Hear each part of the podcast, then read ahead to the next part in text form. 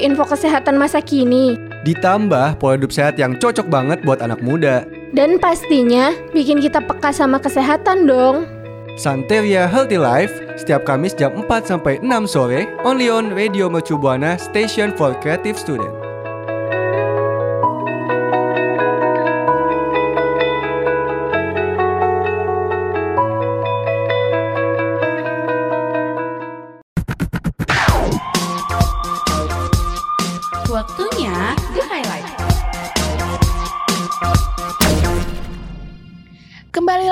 Highlight bareng gue Raisa dan partner gue. Dan bareng gue, Dwiki. Berita pertama datang dari dua tokoh Indonesia yaitu Menteri Keuangan Sri Mulyani dan Direktur Utama Pertamina Nika Widiawati. Kedua wanita hebat ini masuk ke dalam 100 perempuan berpengaruh di dunia atau The World's Most Powerful Woman versi Forbes. Forbes menempatkan Nika pada urutan ke-25 sedangkan Sri Mulyani pada urutan ke-78. Selamat ya untuk dua wanita tangguh ini. Berita selanjutnya datang dari Hari Anti Korupsi Sedunia yang diperingati tanggal 9 Desember kemarin rekan Buana. Peringatan ini bertujuan untuk mengedukasi masyarakat mengenai korupsi yang dapat menghambat pembangunan sosial dan ekonomi bagi seluruh masyarakat di dunia. Mantan Ketua KPK Abraham Samad menilai kasus korupsi di Indonesia masih tergolong tinggi. Oleh karena itu, dibutuhkan upaya yang ekstra dari penegak hukum untuk memberantas masalah ini. Yuk rekan Buana katakan tidak pada korupsi. Itu dia rekan Buana berita yang mengisi segmen The Highlight kali ini. Jangan lupa untuk follow sosial media kita di Twitter at radio underscore UMB, Instagram at radio mercubuana, website kita di radio.mercubuana.ac.id dan dengerin siaran kita terus di Spotify Radio Mercubuana. The Highlight-nya udahan dulu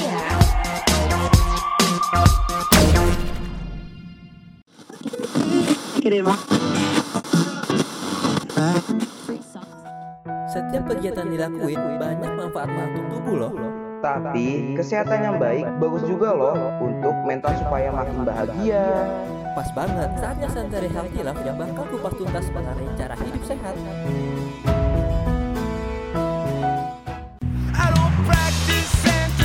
Santeria, Santai Sore Ceria will be airing on Radio Mercubuana FM, Station for Creative Student.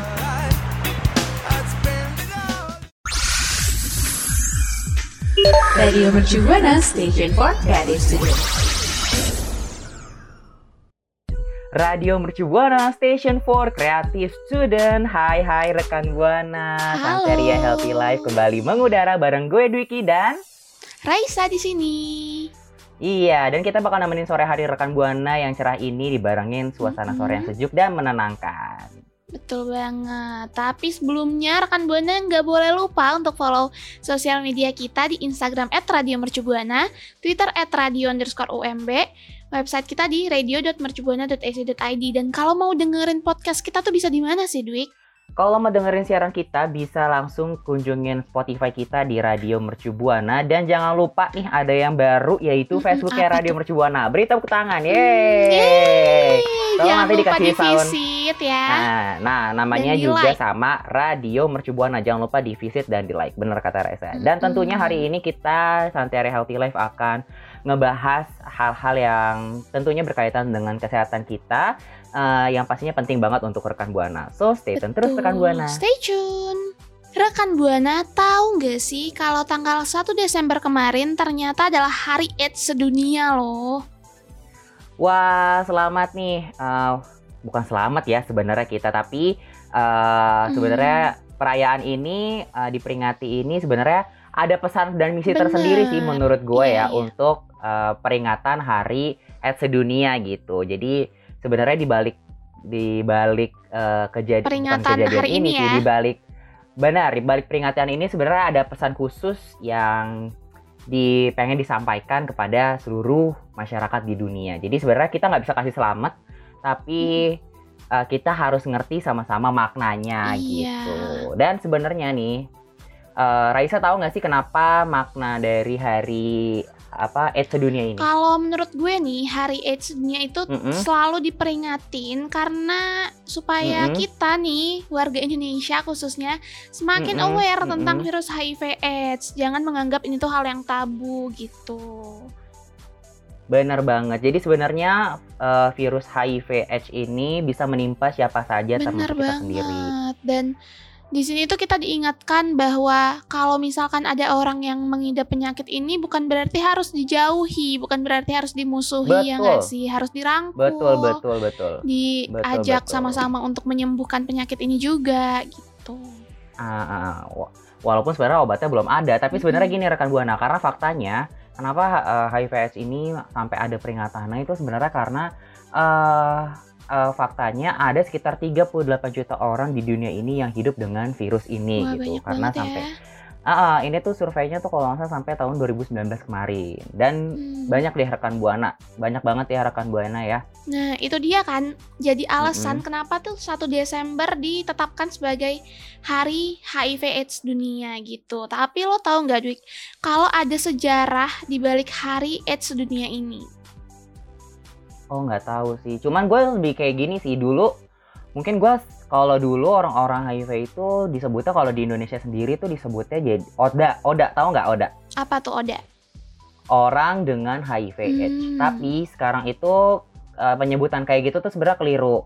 Karena nggak semua orang yang eh, terinfeksi HIV itu tuh mereka udah AIDS. Jadi HIV sama AIDS tuh sebenarnya dua jenjang yang berbeda iya, gitu. benar-benar. Jadi HIV itu virus yang nyerang tubuhnya, tapi AIDS-nya itulah penyakit yang dia derita gitu. Jadi ya namanya juga eh, apa? Aku lupa deh ju, eh, nama apa HIV itu apa panjangannya apa? Tapi kalau nggak salah tuh eh, tengah-tengahnya I-nya tuh imun, imun system gitu. Nah makanya itu eh, ha- apa HIV itu virus yang menyerang si tubuhnya. Makanya sekarang kalau misal orang-orang Indonesia itu Mm-mm. sekarang lebih tepat menyebutnya sebagai ODIF orang dengan HIV AIDS. Oh, Jadi gitu. ya itu karena nggak, mm-mm. jadi nggak kalau ini sebenarnya se- sekilas aja ya tentang sebelum nanti Raisa ngasih tahu tentang sejarahnya AIDS di dunia, tapi aku pengen ngasih tahu aja supaya kita sama-sama punya uh, pelurusan gitu. Jadi nggak semua orang yang HIV itu AIDS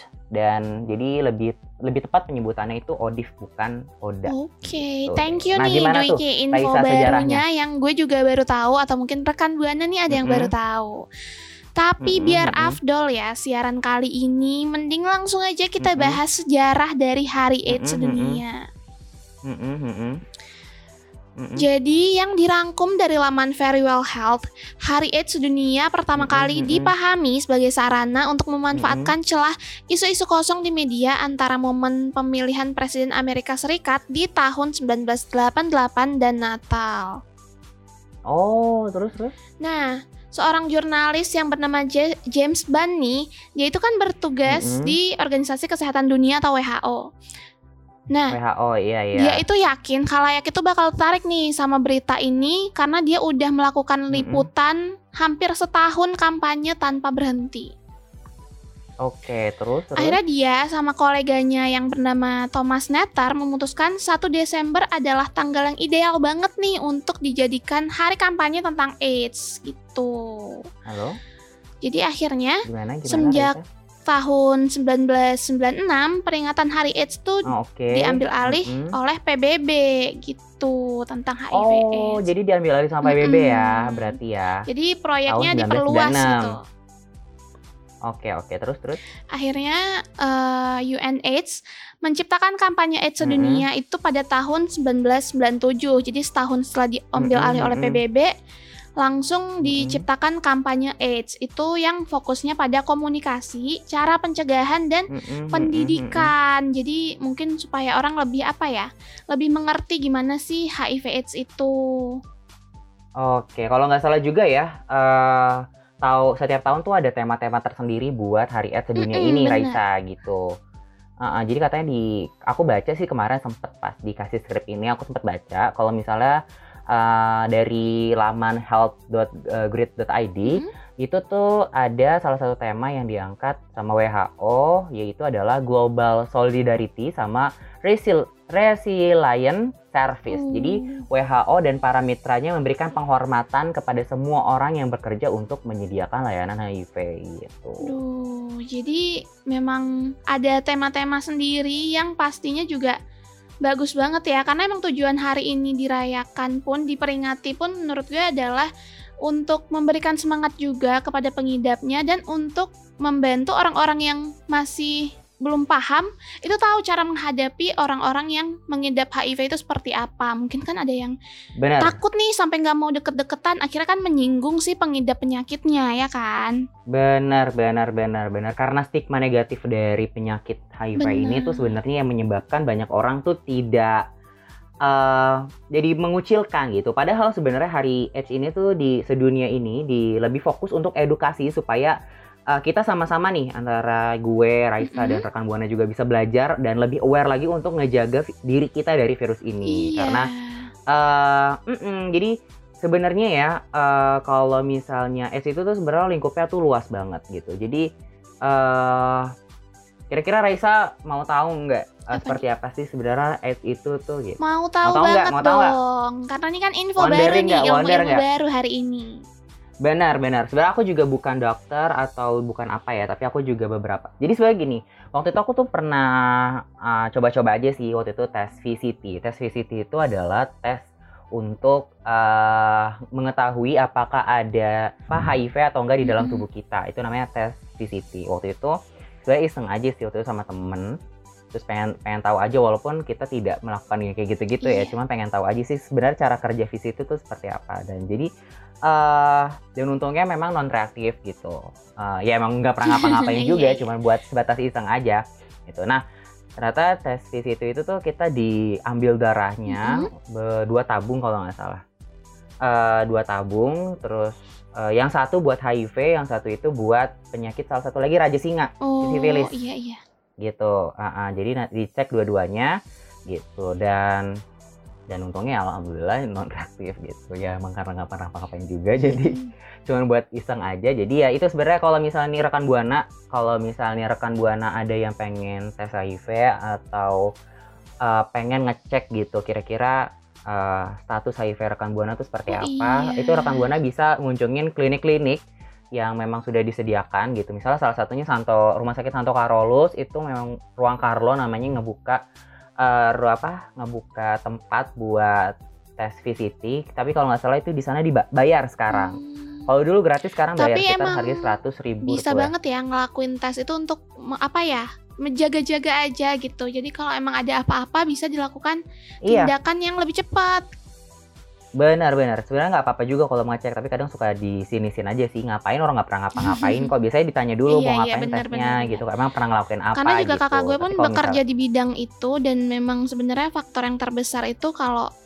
udah apa ya melakukan hal-hal yang Mm-mm. seperti itu tuh pasti misal- resikonya Mm-mm, lebih besar ya Betul banget. Jadi makanya gunanya tes visit itu kayak gitu. Mm-mm. Atau misalnya rekan buana pengen yang gratis itu bisa lewat eh, pemerintah, puskesmas Iya, puskesmas benar, besar tuh beberapa tuh mereka udah menyediain tes visit gratis. bener banget Gitu rekan buana gitu. Nah, tadi tuh lo mau bahas Mm-mm, HIV itu apa kan? Nah, apa sih gue tuh Oke, masih benar. penasaran nih, apa sih HIV itu sebenarnya?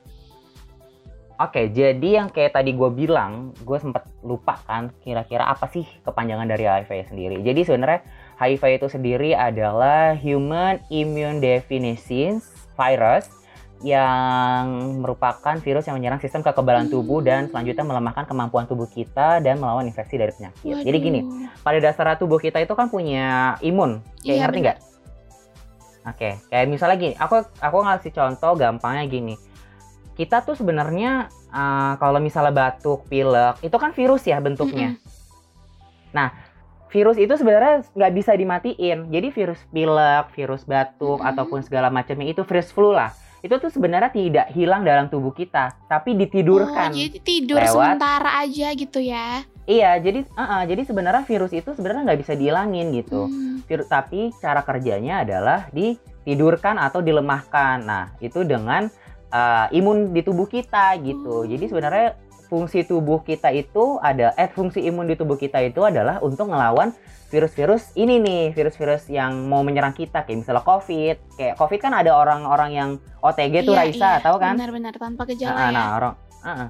benar orang-orang OTG itu karena sebenarnya kenapa dia terinfeksi tapi dia sehat Mm-mm. ya karena sebenarnya imunnya itu bisa ngelawan si Virus penyakitnya itu, itu, jadi eh, virusnya itu. Jadi ya itulah sebenarnya gunanya imun di dalam tubuh kita. Tapi sayangnya karena HIV ini adalah juga merupakan se- eh, sebuah virus yang menyerang kekebalan tubuh kita, otomatis lama-lama kekebalan tubuh kita Hilang imun- juga, hilang hilang. nih, kayak benar. Jadi lama-lama terkikis, terkikis, terkikis yang menyebabkan kita jadi terkena amit-amit ya, Oh. nauzubillah gitu.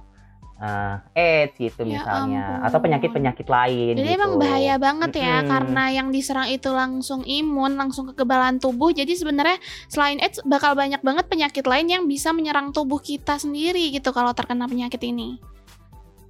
Iya betul banget. Makanya sebenarnya sebenarnya penyakit ini tuh eh, makanya banyak orang yang terkena penyakit ini tuh nggak kelihatan kayak orang sakit, Mm-mm. tahu ya? Iya, sering sering sering. Ah, ah, karena di cara kerjanya tuh tidak seperti kita jatuh. Misal kalau kita jatuh langsung kelihatan berdarah Mm-mm. gitu kan, luka sakit gitu kan. Nah kalau HIV ini sayangnya nggak kayak gitu. Atau misalnya kita pilek gitu. Kalau kita pilek kan langsung kelihatan ya kita bersin, kita apa gitu kan. Jadi kita tahu oh kita pilek, kita sakit gitu kan.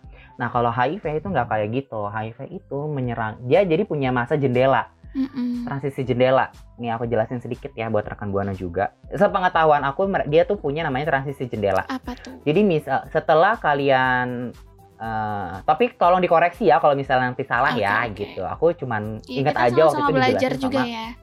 sama-sama belajar. Aku waktu itu pernah baca aja sih tentang ini. Jadi HIV itu punya masa jendela. Jendela masa jendelanya itu diberlakukan selama eh, bukan diberlakukan tapi eh, punya masa selama tiga bulan.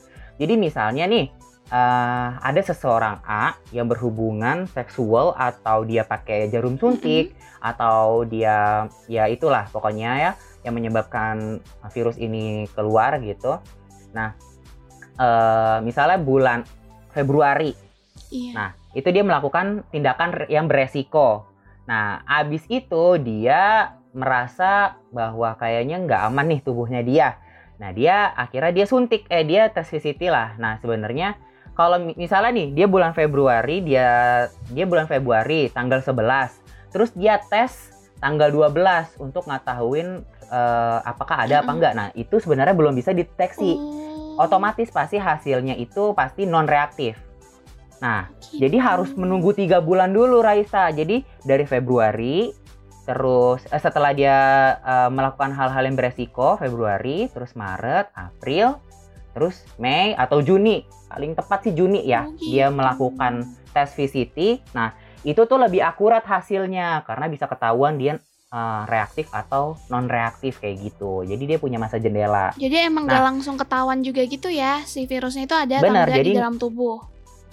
Betul, nggak langsung ketahuan eh, virusnya tuh ada apa enggak di dalam tubuh karena dia punya masa jendela. Ya masa jendelanya itu adalah selama tiga bulan. Baru tahu sih Nah, ketika ini. dia Iya benar. Nah, ini kita sama-sama belajar ya buat ini supaya kita lebih aware dengan penyakit ini karena sebenarnya penyakit ini tuh belum ditemukan obatnya Raisa. Oh, iya iya benar. Sayang iya. banget belum ketemu obatnya, tapi sebenarnya sudah uh, ada sih. Kalau kita balik dulu nih ke orang-orang yang uh, punya uh, kelompok-kelompok yang beresiko untuk Mm-mm. terinfeksi virus nih Raisa. Apa aja tuh? Iya, jadi yang pertama itu ada orang-orang yang melakukan hubungan intim tanpa kondom atau alat kontrasepsi dan baik itu hubungan sejenis atau heteroseksual, Raisa. Jadi sebenarnya kedua-kedua hubungan ini tuh memiliki resiko yang cukup besar kalau misalnya tidak menggunakan uh, alat kontrasepsi, apalagi kalau dia Iya. mengganti-ganti pasangan. Oh iya, ini tuh gue juga sempat dikasih tahu sama kakak gue karena kebetulan Mm-mm. kakak gue itu bekerja di bidang ini, dia juga Mm-mm, mencatat apa ya jumlah pasien AIDS di Jakarta gitu ya. mm-mm, Jadi emang dia kasih tahu ini tuh penyebab terbesar kayak hubungan tanpa alat pelindung atau lain-lainnya tuh jadi penyebab Mm-mm. terbesar untuk terinfeksi. Betul, apalagi kalau gonta-ganti pasangan gitu ya, itu sangat Mm-mm. resikonya sangat tinggi sekali rekan buana. Dan yang kedua itu ada orang yang sering membuat tato atau melakukan tindik. Yang sebenarnya ini tuh mm-mm, kayak ya mungkin karena jarumnya sih sebenarnya iya, gitu. mungkin Kalau- kurang jadi- steril ya jarum Benar. untuk mem- pembuatan Betul. tato dan Betul, tindiknya. betul. Jadi benar-benar harus menggunakan jarum-jarum yang steril kalau misalnya rekan buana memang pengen memang punya hobi tato. Sebenarnya tato sama tindik tuh nggak salah gitu. Aku juga suka Mm-mm. banget sama tato dan tindik, tapi coba dipastikan banget uh, jarum-jarum yang digunakan itu adalah jarum-jarum yang steril dan bukan bekas orang lain. Bener Gitu. banget. Jadi kita pun harus eh, membuat tato atau masang tindik tuh di tempat-tempat yang terpercaya ya rekan buana. Benar banget, betul banget. Nah, yang ketiga itu ada orang yang terinfeksi penyakit seksual lain. Nah, Hmm, misalnya kayak sifilis, raja singa, atau GO, gonorrhea, kayak gitu-gitu lah ya. Nah, Iya iya terus benar-benar. mm-mm, juga ada penggunaan narkotika dengan suntik. Ya, pertama narkobanya aja udah parah banget Iya, ya. udah tidak baik gitu ya. Udah nggak baik. Apalagi kalau misalnya pakai alat-alat yang salah. Ya sebenarnya ini ini sangat nggak baik banget sih narkoba gitu. Mm-mm. Mau pakai apa pun juga bukan tindakan yang bener, bukan tindakan yang bisa Iya. diwajarkan untuk narkoba. Apalagi pakai jarum suntik gitu. Dan Dan biasanya Abis- pengguna ini itu mm-mm. pakai suntiknya tuh bergantian karena dia nggak Nah, peduli. Nah, bener banget. Karena itulah yang menyebabkan ya namanya disuntik otomatis dia masuk ke tubuh kita dan itu pakai darah dong. Ada darah Iya. yang yang itu kan yang nempel. Mm-mm. Nah, ke- dari situlah bergantian bergantian bergantian kenalah infeksi yang menyebabkan si virus ini muncul gitu. Betul. Terus apalagi ini orang yang berhubungan intim dengan pengguna narkoba suntik. Aduh Tuhan ya, Aduh Ini ya bener-bener deh. benar-benar harus dihindarkan sekali gitu ya. Mm-mm. Karena kalau di rumah sakit aja suntik tuh sekali pakai harus dibuang ke Betul. tempat sampah Betul, khusus. betul, betul. Nah, sama pengguna-pengguna nggak bertanggung jawab ini malah digunakan untuk memakai narkotika suntik. Berbahaya banget nih. Benar-benar, apalagi kadang kan kalau lihat suster ya, mereka nggak benar-benar nggak sembarangan banget deh nge- ngebuang Iya. jarum kayak udah di- dipakai itu tuh pasti mereka bungkus lagi supaya nggak kena suntik nggak kena orang atau limbah-limbahnya tuh tidak mencelakai orang gitu kan. Sebenarnya bahaya banget ya kalau misalnya kayak gitu. Nah apalagi begini yang satu pakai semuanya pakai. Aduh Tuhan. Jadi Iya. benar-benar ya kalau dilihat-lihat ya rekan buana sama Raisa virus ini tuh rentan banget penularannya dari satu orang ke orang lain dan bisa pakai media apa pun bukan hubungan Bener seksual aja Raisa banget. Apalagi di Indonesia sendiri ya. Mm-mm, penyebaran mm-mm, virus HIV ini tuh banyaknya disebarinnya tuh lewat hubungan intim yang nggak aman terus juga Betul. jarum suntik yang digunakan bergantian secara nggak steril kayak yang Betul narkotika banget. suntik tadi ya makanya tuh kita harus hati-hati menjaga pergaulan jangan sampai kita terjerumus ke hal-hal yang tidak baik Bener, makanya ya rekan buana hindari narkoba, hindari hubungan seks bebas, benar prestasi harus kita tingkatkan dan hidup sehat. betul Raisa, Raisa, iya iya ada apa tahu nggak? Nih tahu, kira-kira lo tahu nggak Raisa nih? eh, apa eh, gejala-gejala dari HIV/AIDS itu seperti apa? Waduh, kalau gue pribadi itu kan taunya dari kakak-kakak gue yang memang bekerja di bidang itu. Tapi mungkin Mm-mm, bisa gue sharing ya buat lo dan rekan Buana juga. Boleh, boleh, boleh, boleh. dari hasil baca-baca gue juga nih, gejala HIV AIDS itu ada beberapa tahap ternyata. Ya betul, betul, betul. Jadi langsung ke tahap yang pertama. Tahap yang pertama Mm-mm. itu pengidap penyakit ini bakal mengalami nyeri, terus juga gejala mirip dengan flu dan beberapa minggu setelah terinfeksi itu tuh flu-nya bisa selama berbulan-bulan, bisa 1 sampai 2 bulan gitu loh. Iya, Sedangkan betul, kalau betul, flu betul. normal itu kan nggak akan berbulan-bulan ya. Iya benar. Terus juga eh, si virus ini bisa nggak menimbulkan gejala apa pun selama bertahun-tahun kepada pengidapnya. Jadi bisa Iya itu. nggak sadar gitu loh kadang-kadang pengidapnya Benar, juga. betul, betul, kan? betul. Terus di tahap pertama ini biasanya itu timbul demam, nyeri tenggorokan, ruam, pembekakan kelenjar getah bening, diare, bisa kelelahan, terus nyeri otot dan sendi. Jadi Iya, benar. sebenarnya kalau misalkan kita lihat dari tanda-tandanya tuh seperti penyakit yang biasa aja gitu. Umum Mungkin banget kalau ya, iya penyakit yang umum banget. kalau orang yang nggak paham sama tahap tahap-tahap gejala Mm-mm. ini bisa aja mereka mikir ah ini mah penyakit biasa gitu nyeri tenggorokan kelelahan betul, gitu betul. Kayak flu biasa gitu. Ah ini mah paling gua cuman radang doang nih gara-gara minum es atau apa gitu ya. iya. Nah makanya tadi aku bilang orang-orang dengan HIV itu biasanya mereka kenapa bisa sampai parah sampai AIDS? Ya itu karena mereka tidak sadar Mm-mm. eh, dengan penyakit yang udah mereka derita. bener jadi, sadarnya kayak- setelah bertahun-tahun kemudian pas sudah parah gitu benar, ya benar, benar, benar. Jadi kayak udah 10 tahun, udah udah lima tahun kemudian baru sadar kalau misalnya mereka ternyata sudah kena AIDS gitu. Itu dia, Padahal mungkin pas HIV ya. itu bisa di bisa dihilangin, eh bukan dihilangin, misalnya bisa di normalin, Tangani gitu, ditidurin uh-uh. gitu. Mm-mm, mm-mm. Terus, Terus ini kedua, Raisa? ada tahap kedua. Kalau di tahap Mhm. ini umumnya tuh sama, nggak menimbulkan gejala selama bertahun-tahun, Mm-mm, mm-mm. tapi yang parahnya adalah virusnya itu terus menyebar dan merusak sistem kekebalan tubuh, merusak Iya, imun tubuh si benar. penderitanya. Iya betul betul betul. Dan Dan, kalau- nggak salah apa? juga, mm-mm. kalau nggak salah juga kalau misalnya udah di tahap kedua ini tuh penularan infeksi tuh infeksi tuh udah bisa di eh, dilakukan untuk ke orang lain gitu. Jadi kita Bener tuh udah bisa nularin ke orang lain tuh di di Mm-mm. tahap kedua ini kalau nggak salah. Gitu. Iya bener banget. Dan itu Mm-mm, kan berlangsungnya mm-mm. bisa selama bertahun-tahun ya penyakit ini tuh. Betul. Betul, bisa sampai 10 tahun atau lima tahun gitu. Nah mungkin tuh kayak pasien-pasien yang bengkaknya itu adalah di sini karena penularannya bisa dilakukan kepada orang lain, tapi pengidapnya itu nggak sadar bahwa ternyata dia menularkan virus ini ke orang-orang. Betul, betul, betul. Tahap ketiganya apa Raisa? Tahap ketiganya ini kan tahap tertinggi lah ya.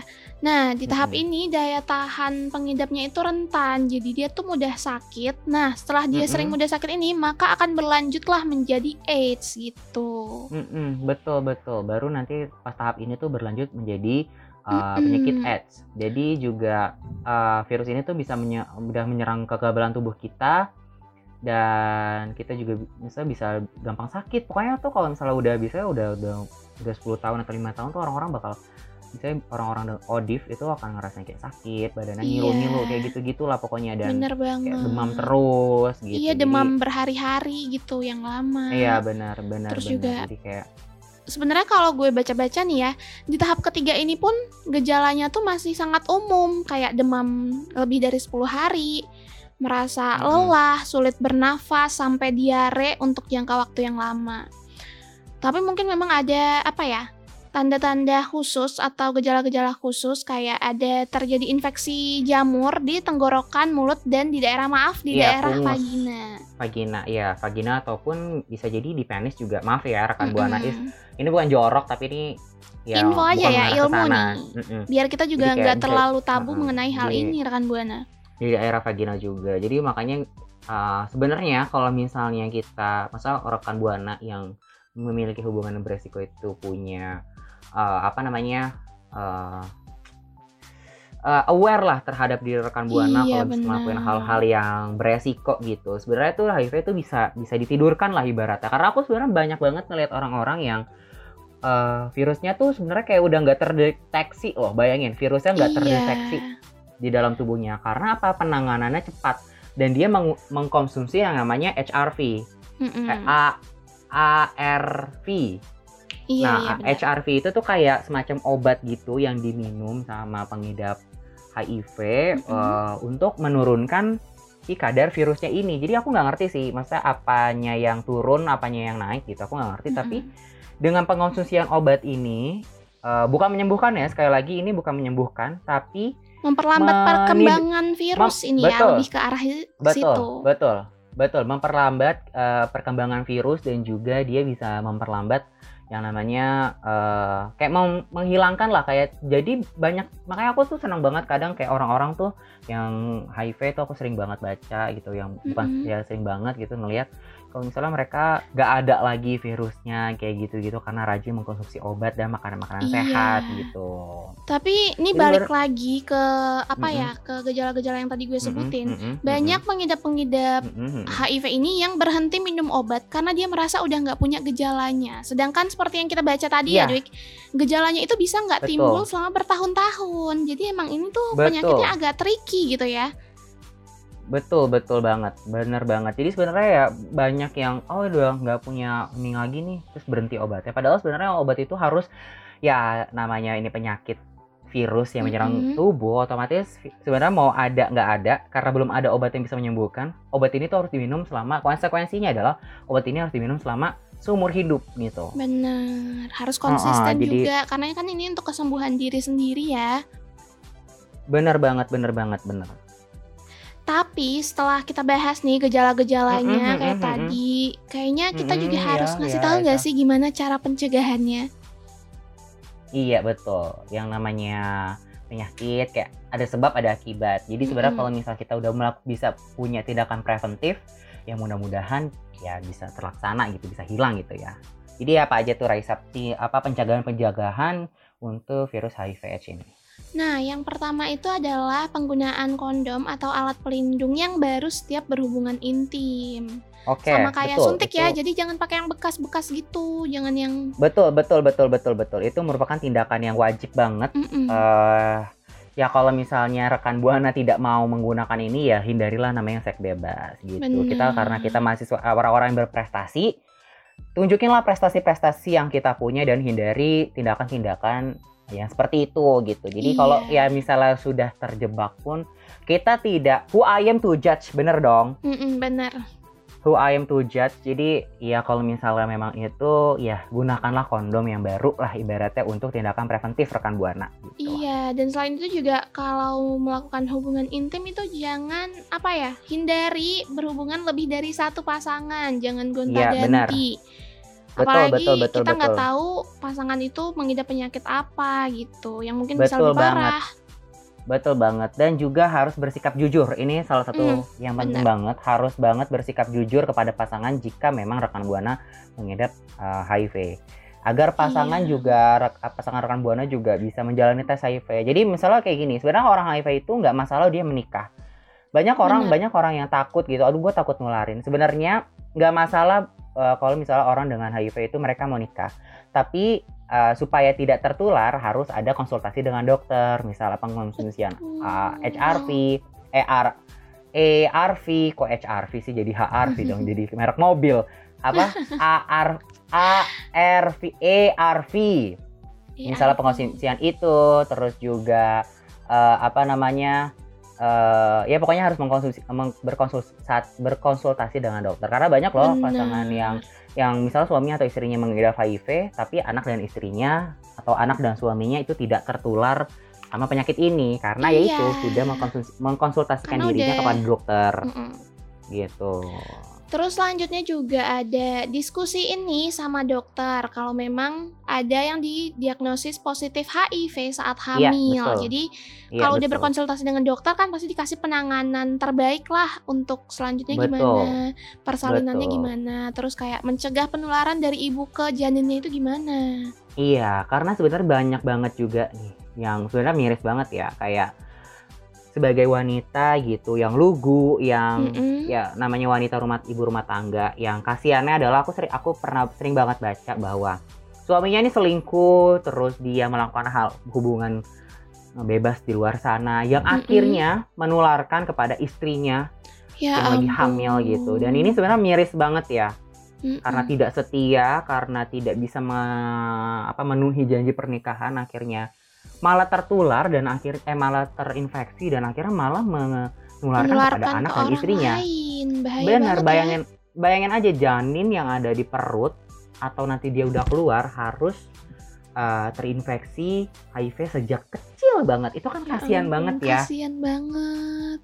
Uh, uh, padahal mereka punya kesempatan hidup yang lebih bagus. Ah, bukan berarti orang yang um, yang punya HIV tidak punya kesempatan hidup yang lebih bagus. Tapi maksud aku Mm-mm. gini loh, ya kasihan lah anak-anak kecil ini yang nggak tahu apa-apa atau misalnya ibu-ibu rumah Iya. tangga yang nggak tahu apa-apa, tapi malah ditularkan oleh suami-suaminya yang sering ya itulah kita nggak tahu gimana prosesnya tapi aku pernah baca dan sebenarnya ceritanya sangat sedih banget apalagi anaknya harus meninggal karena banyak juga Ya anaknya yang ampun. nggak kuat dan juga jadinya malah meninggal dunia gitu yang sebenarnya itu sedih banget sih Mm-mm. salah satu kisah yang Benar-benar. sedih dari uh, HIV ini gitu. Terus juga cara pencegahan selanjutnya adalah sunat rekan buana. Jadi ternyata Oke, bersunat mm-mm. itu bisa mengurangi resiko terinfeksi HIV. Iya betul betul karena nih pengetahuan aja sih sebenarnya kalau Mm-mm. misal orang-orang yang tidak ini mungkin nanti uh, bisa dieksplisit sedikit ya jadi sebenarnya kalau misal orang yang tidak sunat gitu itu tuh sebenarnya kulupnya tuh kotor Raisa jadi Oh. gampangnya terinfeksi eh, karena ya kulupnya kotor. Jadi kalau orang-orang yang tidak memutuskan untuk tidak sunat nggak apa-apa sebenarnya asal rajin-rajin membersihkan eh, penisnya gitu supaya Oh iya ya benar. tadi eh, pe- apa bersih Karena memang ibaratnya. kebersihan itu faktor utama untuk tetap sehat ya. Betul, itulah kunci utama kita sehat adalah bersih, menjaga kebersihan. Ya Mm-mm. COVID pun sekarang kalau misal buat COVID ini ya, kuncinya apa? Kita hidup sehat dan bersih. Ya kan, tidak sembarangan megang-megang barang atau apa. Ya Benar. bisa terhindar dari vi- virus COVID. Ya itu berarti kunci kesehatan sebenarnya adalah hidup sehat dan bersih, menjaga kebersihan kayak gitu rekan buana. Nah, terus ini ada cara terakhir. Mm-mm, mm-mm. Kalau misalkan kita udah menduga nih baru aja terinfeksi atau ketularan sama virus HIV, itu langsung langsung aja ke dokter supaya mendapatkan penanganan dan obat post exposure profis profilaksis Prophylaxis. gitu. Iya, betul. itu betul. dikonsumsinya selama benar, benar. 28 hari rekan Buana dan ada tiga Iya. obat antiretroviral. Anti-retor. Iya betul. Ini eh, berguna banget kalau misalnya ya ada satu lagi nama P PREP namanya PRP kalau nggak salah Mm-mm. dibacanya ya. P E P R E P. Nah, itu tuh sebenarnya eh, salah satu tindak eh, apa obat juga yang bisa digunakan untuk mencegah HIV ini. Jadi misalnya eh, apa kalau misalnya rekan buana memang ngapain ya misalnya Yang baru-baru mengidap gitu ya.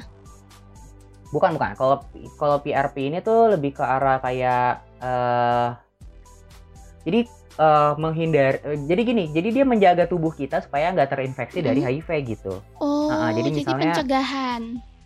Ah, ah, jadi walaupun kita tidak tidak eh, apa melakukan hubungan yang kayak gitu-gitu tanpa kondom atau segala macam, tapi kalau misalnya kita mengkonsumsi obat ini tuh sebenarnya bisa terhindar. Tapi ya tetap aja mesti pakai kondom sebenarnya gitu karena Betul. eh, bisa aja tertular sama penyakit lain kayak GO atau sifilis kan kayak gitu kan kita terhindar Hmm. dari HIV-nya tapi bisa ter- bisa terkena penyakit yang lain makanya sebenarnya penggunaan kondom itu juga sangat penting gitu dan tapi harganya mahal Raisa dan belum ada di Indonesia oh, iya, jadi itu orang-orang yang biasanya mengkonsumsi Jadi itu lebih tuh, baik hmm, mencegah daripada mengobati. Kita cegah dengan Betul. cara-cara yang bisa kita lakukan, kayak benar, menjaga pergaulan, betul betul gitu, menjaga betul. Apalagi kebersihan tubuh harga- juga.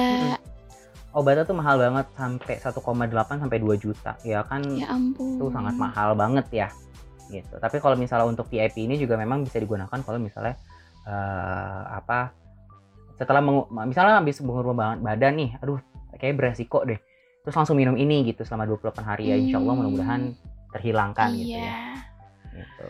Nah, tapi ya itu lebih dia, baik mencegah Buana. daripada mengobati Mm-mm. Cara-cara pencegahan karena penularan HIV/AIDS ini kan luas banget nih cara penularannya. betul dari betul bisa dari darah dari kontak cairan sperma tubuh. Iya bener banget. Mm-mm. Jadi yuk kita mulai aware, kita mulai mencegah eh, penularan virus HIV/AIDS ini karena untuk kesehatan kita semua juga. yuk semangat rekan buana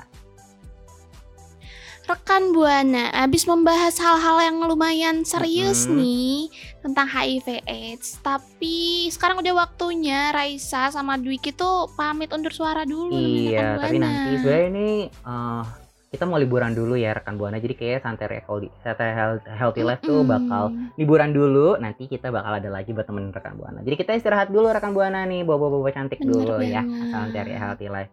Kita istirahat rekan Buana pun Benar istirahat banget. ya. Jadi nanti sebelum kita uas, ya kita liburan dulu rekan buana. Tapi sembari liburan, sembari juga cek-cek media sosialnya dari Radio Mercubuana nih. Ada Instagram di at eh, di @radio mercubuana, Twitter juga di @radio underscore UMB, terus website kita di radio.mercubuana.ac.id dan Spotify sama Facebook kita yang baru ada di mana Reza? Username-nya? Spotify-nya udah pasti Radio Mercu Buana buat dengerin siaran-siarannya kita dan ada Facebook nih yang baru banget masih anget. Bisa banget di visit Facebook Radio Mercu Buana dan di like rekan Bener, Buana jangan lupa di like dan juga masih banget nggak bosan-bosan diingetin adalah mematuhi protokol kesehatan yaitu 3M mencuci tangan menjaga menjaga jarak dan juga Bener. Memakai masker. betul banget jadi udah waktunya gue Dwiki pamit undur suara Gue Raisa juga pamit undur suara. See you. see you bye Cara hidup sehat dengerin Santeria Healthy Lab setiap Kamis jam 4 sore. Pamit dulu ya. Keep healthy. Stay happy.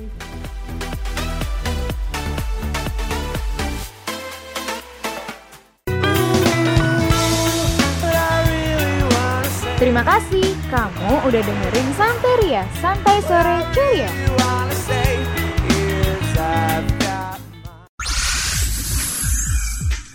Radio Mercu Buana Station for Creative Studio.